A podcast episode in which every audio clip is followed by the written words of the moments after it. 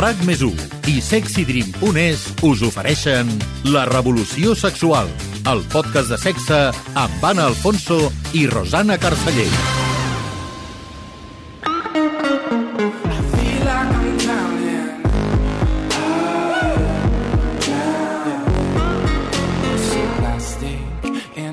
Avui a la Revolució Sexual parlem amb dues dòmines. Elles són Mistress Adita i la seva tutora, Diosa Istar. Amb elles dues avui descobrirem com és la vida d'una dòmina, qui són els seus submisos, què són les pràctiques de dominació i submissió que fan i com és tot aquest món que per molta gent forma part de les fantasies sexuals però que elles han dut a la realitat. Diosa Istar, Mistress Adita, benvingudes i gràcies per ser amb nosaltres avui a la Revolució Sexual. Gràcies a vosaltres. Un plaer, gràcies. Per començar, d'on venen els vostres noms? Diosa Istar, t'ho has posat tu o t'ho ha posat algú? Aquest nom me'l va regalar el meu tutor cap al 1993 o així. I, i m'ho va ficar perquè deia que li donava la mateixa guerra que amor i com és la diosa, la, bueno, la deessa de, de l'amor i de la guerra, doncs m'ho va regalar. I tu, mistressa Dita? Bueno, jo vaig començar amb el nom de Dita com a Afrodita i a mesura que vaig anar progressant amb el nom de Dita, doncs va acabar sent mistressa Dita. Quan dius a Dios el teu tutor, què vols dir? Doncs que va ser la, la persona que, bueno, la, el vaig conèixer el 93 i va ser la persona que em va guiar en una època que no hi havia xarxes, ni hi havia Googles, ni hi havia coses d'aquestes, i em va guiar per conèixer més sobre la, el protocol i les disciplines de, del BDSM. I tu, llavors, mistressa Dita, la teva tutora, en aquest cas, és la diosa Istar, no? És així, és ella qui et va introduir en tot aquest món. No, ella m'està donant la mà en aquest camí, però em vaig introduir amb 20 anys. I com va, com va ser que vas arribar a aquest món? Jo vaig començar com un extra job.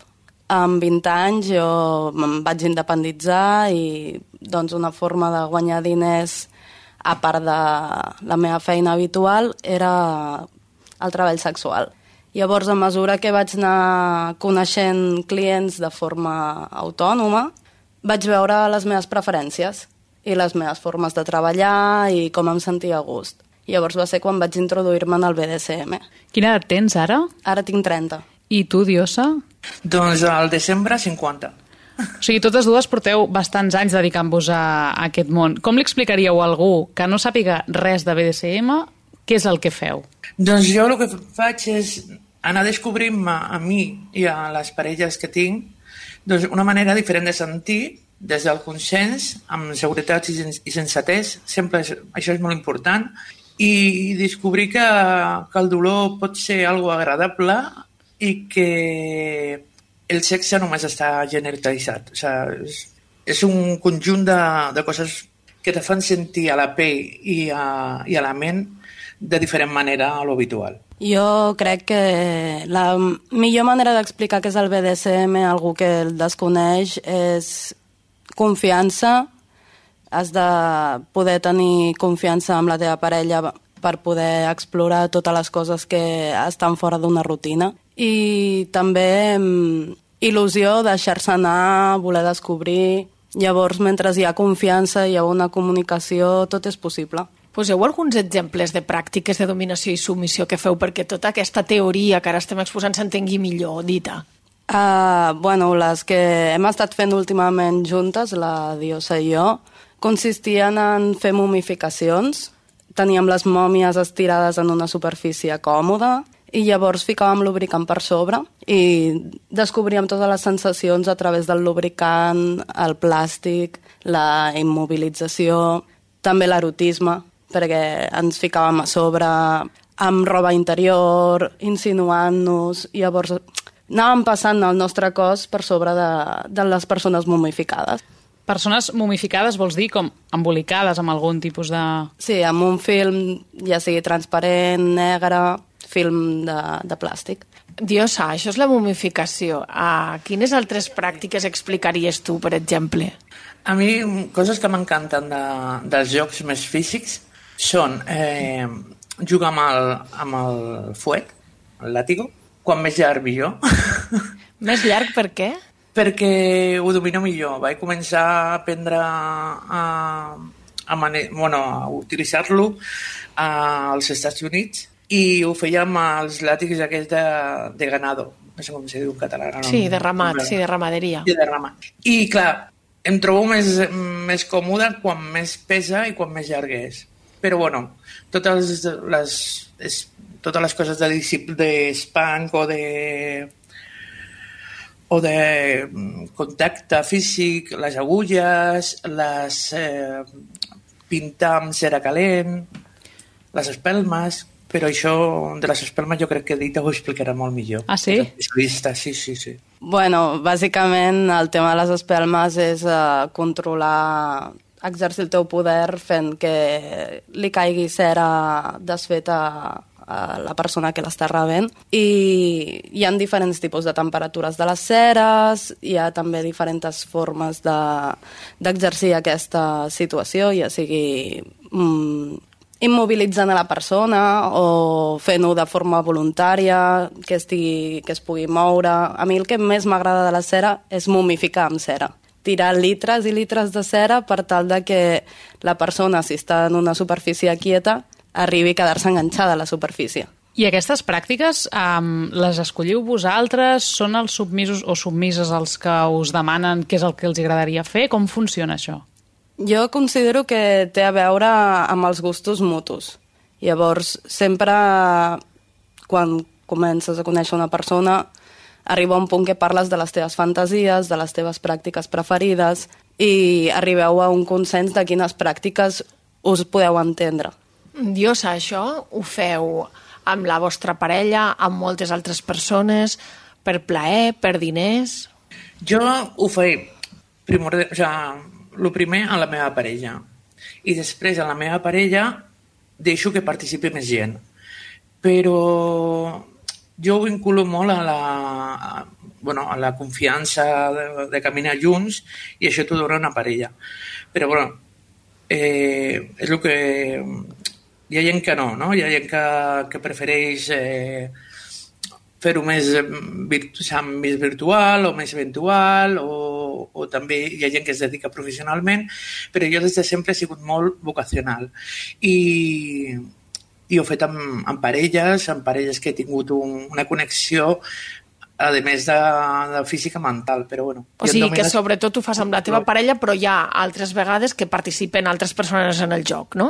Sí, la meva parella és el meu submís 24-7. O sigui, estem junts sempre convivint, compartint i tot això. Però hi ha vegades que sortim per la nit mm -hmm. i sortim els dos com si fossin dominants, els dos.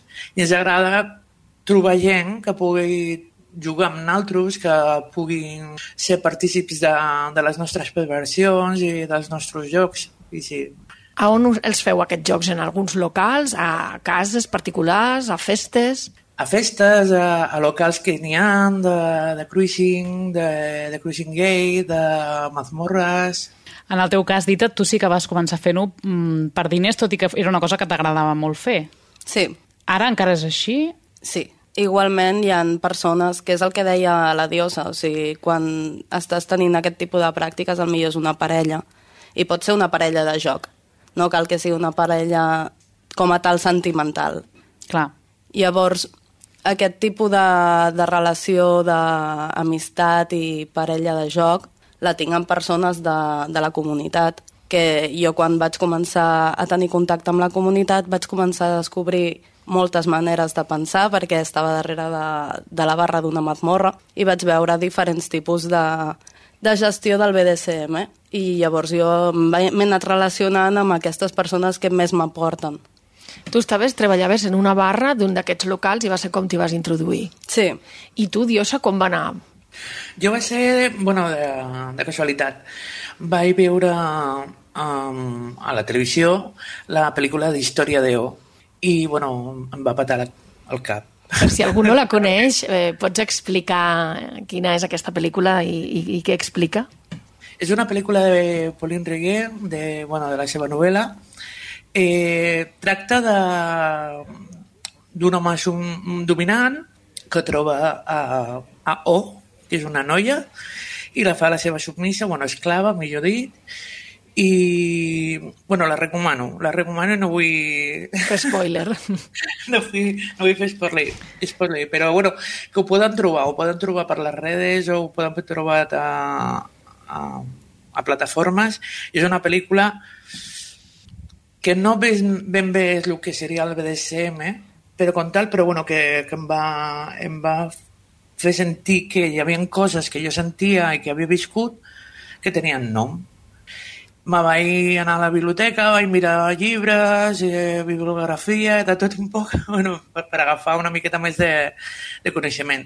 I vaig anar a Holanda, a, a un poble al costat d'Amsterdam, que tenia uns amics d'allà, i després del meu 20, comple o sigui, 20è compleany li vaig dir, escolta, que és que he vist aquesta pel·lícula i, i m'ha agradat i vaig començar a riure els dos jo, bueno, no m'ho sentat molt gaire bé, no?, perquè, perquè clar, li estava, estava explicant una cosa molt íntima i van començar a riure i era perquè ells eren domina i sumís i no sabien com dir-m'ho perquè el dia següent tenien que anar a una festa i ahir va començar jo. O sigui, vaig començar un local que es deia El Castelo, al 93, vaig conèixer el meu tutor, que als mesos em va donar el meu nom i m'ha de donar un munt de coneixement sobre la dominació i la submissió des dels anys 20 fins ara. I, bueno, Clar, així ho explico jo. Vosaltres, ara mateix, el vostre entorn sap que, que us dediqueu a això o que feu això? En el meu cas, tot el meu entorn ho sap. La teva família també. Sí, sí. I tu, Diosa, el teu entorn ho sap? Sí, sí, sí, ho saben a la meva família de, des de fa un munt d'anys, meus germans, meus pares, mon fill no, perquè clar, és molt petit i no, no, no són coses que, que de, de saber. I sí, els meus amics i, i un munt de gent, sí. Per fer aquest capítol hem parlat amb un dels sexòlegs habituals de la revolució sexual, que és el nostre expert de capçalera en pràctiques BDSM, l'Ignasi Puigrodes, i ell ens ha explicat que normalment les dones que entren en aquest món, no sempre, però normalment ho fan a partir de la submissió.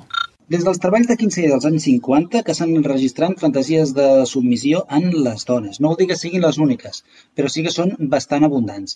En els homes, totes dues, tant les de dominació com les de submissió. Hem de pensar que vivim una societat en la qual constantment estem sotmesos a dinàmiques de poder. Sempre tenim poder sobre certes persones i certes persones poden tenir poder sobre nosaltres. Per la qual cosa, eh, erotitzar aquestes diferents situacions doncs és molt, molt freqüent perquè és una cosa que tenim molt a l'abast. És curiós veure com hi ha moltes dones que han acabat en el paper de dominants i que han començat en el paper de persones submises, per diferents motius. Un dels motius és que, evidentment, per fer aquest paper de persona dominant cal una certa tècnica, una certa experiència, llavors les persones novelles no el tenen i poden ser que no se sentin eh, tan segures en aquesta posició, amb aquesta mena de, de síndrome de la impostora. Però també, i això ho han comentat algunes persones, i és que, com a dona, el fet de, de declarar públicament que tens una sexualitat exuberant i que gaudeixes d'aquesta sexualitat, ja de per si és molt trencador, no? S'espera que, que la sexualitat femenina sigui molt minsa, molt recatada, no? molt pura. Clar, el fet de ficar-se al món del BDSM ja era trencar una barrera, i però que a sobre es fes des d'una posició de poder, en el qual és bastant diferent del que habitualment aquesta societat els dona a les dones, semblava que fos un segon repte. I aquesta és l'explicació per qual doncs, hi ha certes dones que actualment són dominants que diuen de jo primer vaig començar trencant una primera barrera, em vaig poder passar el paper de dona que li agrada el BDSM però sumisa, i després vaig trencar aquesta segona barrera. És a dir, vaig poder veure a mi mateixa com a dominant, que és el que més m'agrada i que la societat moltes vegades pues, sembla que sigui mal vist. Què et sembla, dit això que explicava l'Ignasi? Que no li falta raó, jo crec que això també és per culpa de tot el patriarcat que tenim en la cultura. Llavors, és, re, és real, això passa. Hi ha moltes dones que comencen des de la submissió i descobreixen que a elles també els hi agrada exercir aquest poder. I jo considero que si necessites aprendre per ser dòmina, tens moltes maneres de poder aprendre. No és necessari passar per la submissió. En el meu cas no ho he fet. Però això no vol dir que jo no pugui saber com es sent en el cos una pràctica o algun tipus de sensació concreta. Això sí que ho intento sempre descobrir abans d'exercir-la davant a, a, a, a ningú. Uh mhm. -huh.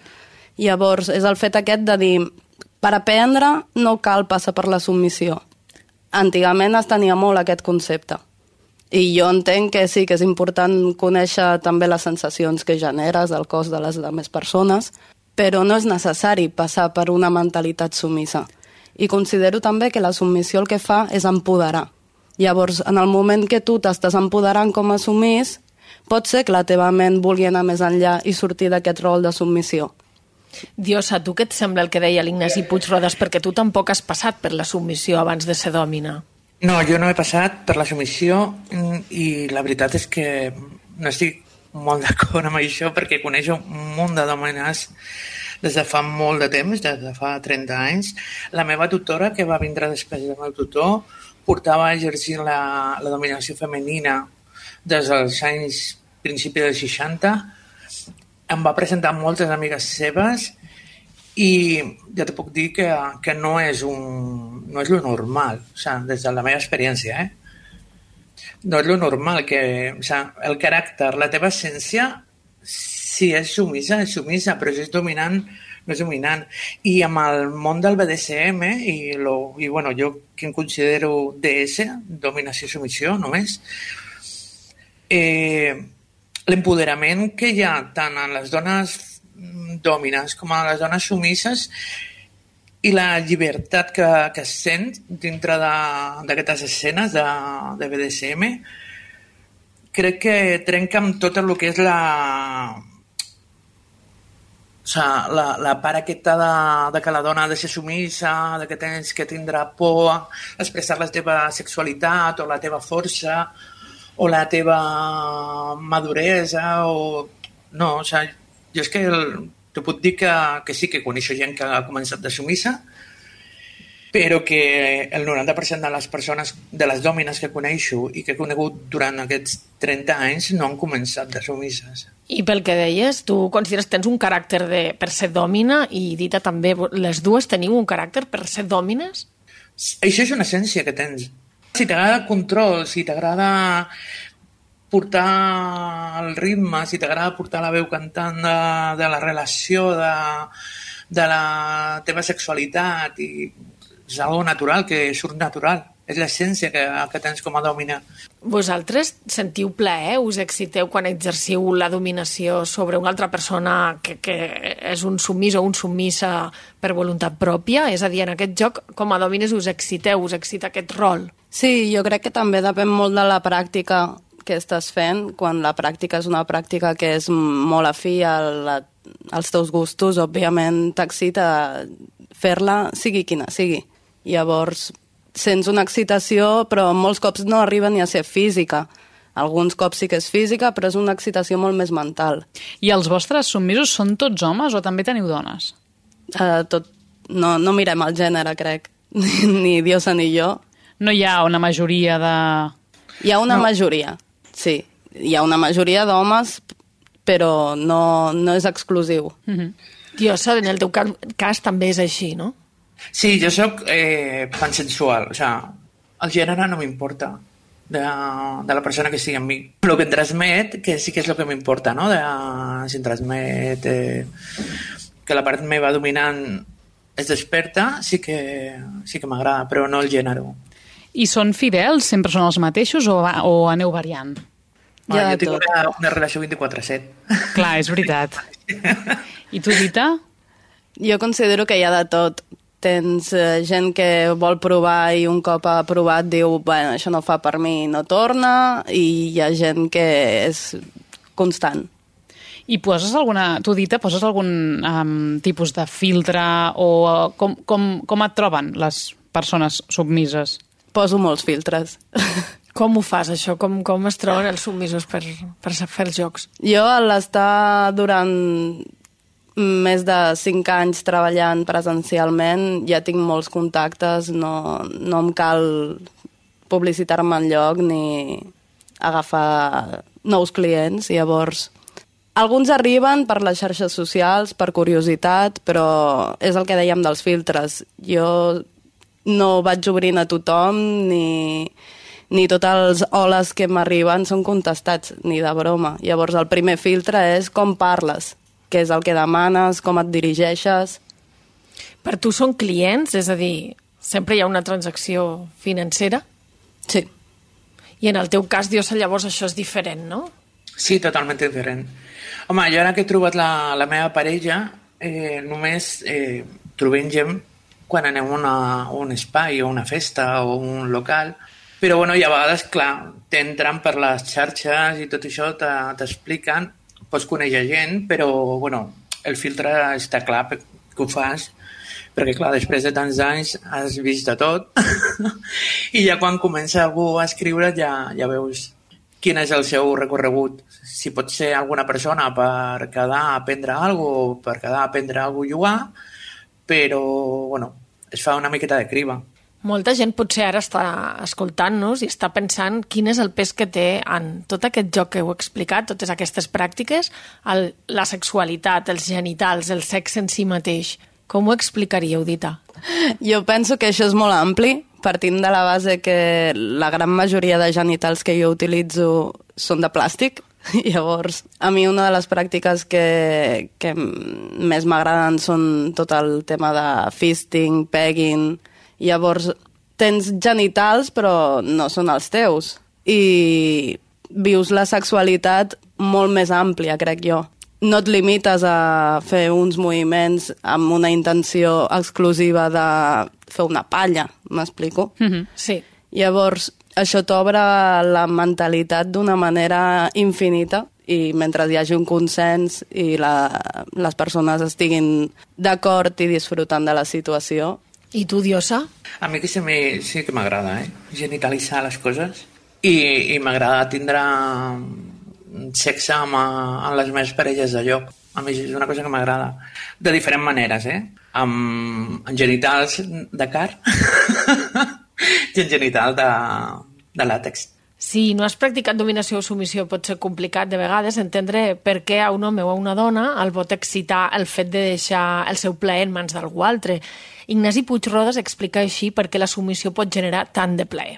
A l'hora d'explicar el per què de que una fantasia o una situació sexual pugui ser excitant per una persona o per una altra no, no sol haver-hi una explicació única. És a dir, cada persona tindrà el seu propi motiu. Ara bé, sí que hi ha certes explicacions que poden ser més compartides amb matisos. Una d'aquestes explicacions més habituals està en la descàrrega de responsabilitat. És a dir, des que som criatures a l'escola que se'ns va educant perquè cada cop anem assumint més responsabilitats sobre la nostra vida. I això cansa. És molt esgotador estar constantment pensant en totes les càrregues que hem d'anar pues, eh, responent que si no fallar la feina, que si no fallar les nostres amistats o, el, o el, aquesta ideologia masclista en la qual una persona que sigui llegida com a ha d'estar obligada a fer certes accions o mostrar-se de, certa, de certa manera a partir de l'instant en què aquesta persona es permet sotmetre's a una altra i descarregar, donar tota la responsabilitat sobre la seva vida d'una altra persona, de sobte totes aquestes càrregues li fugen i per això és una situació que es pot trobar com a molt relaxant.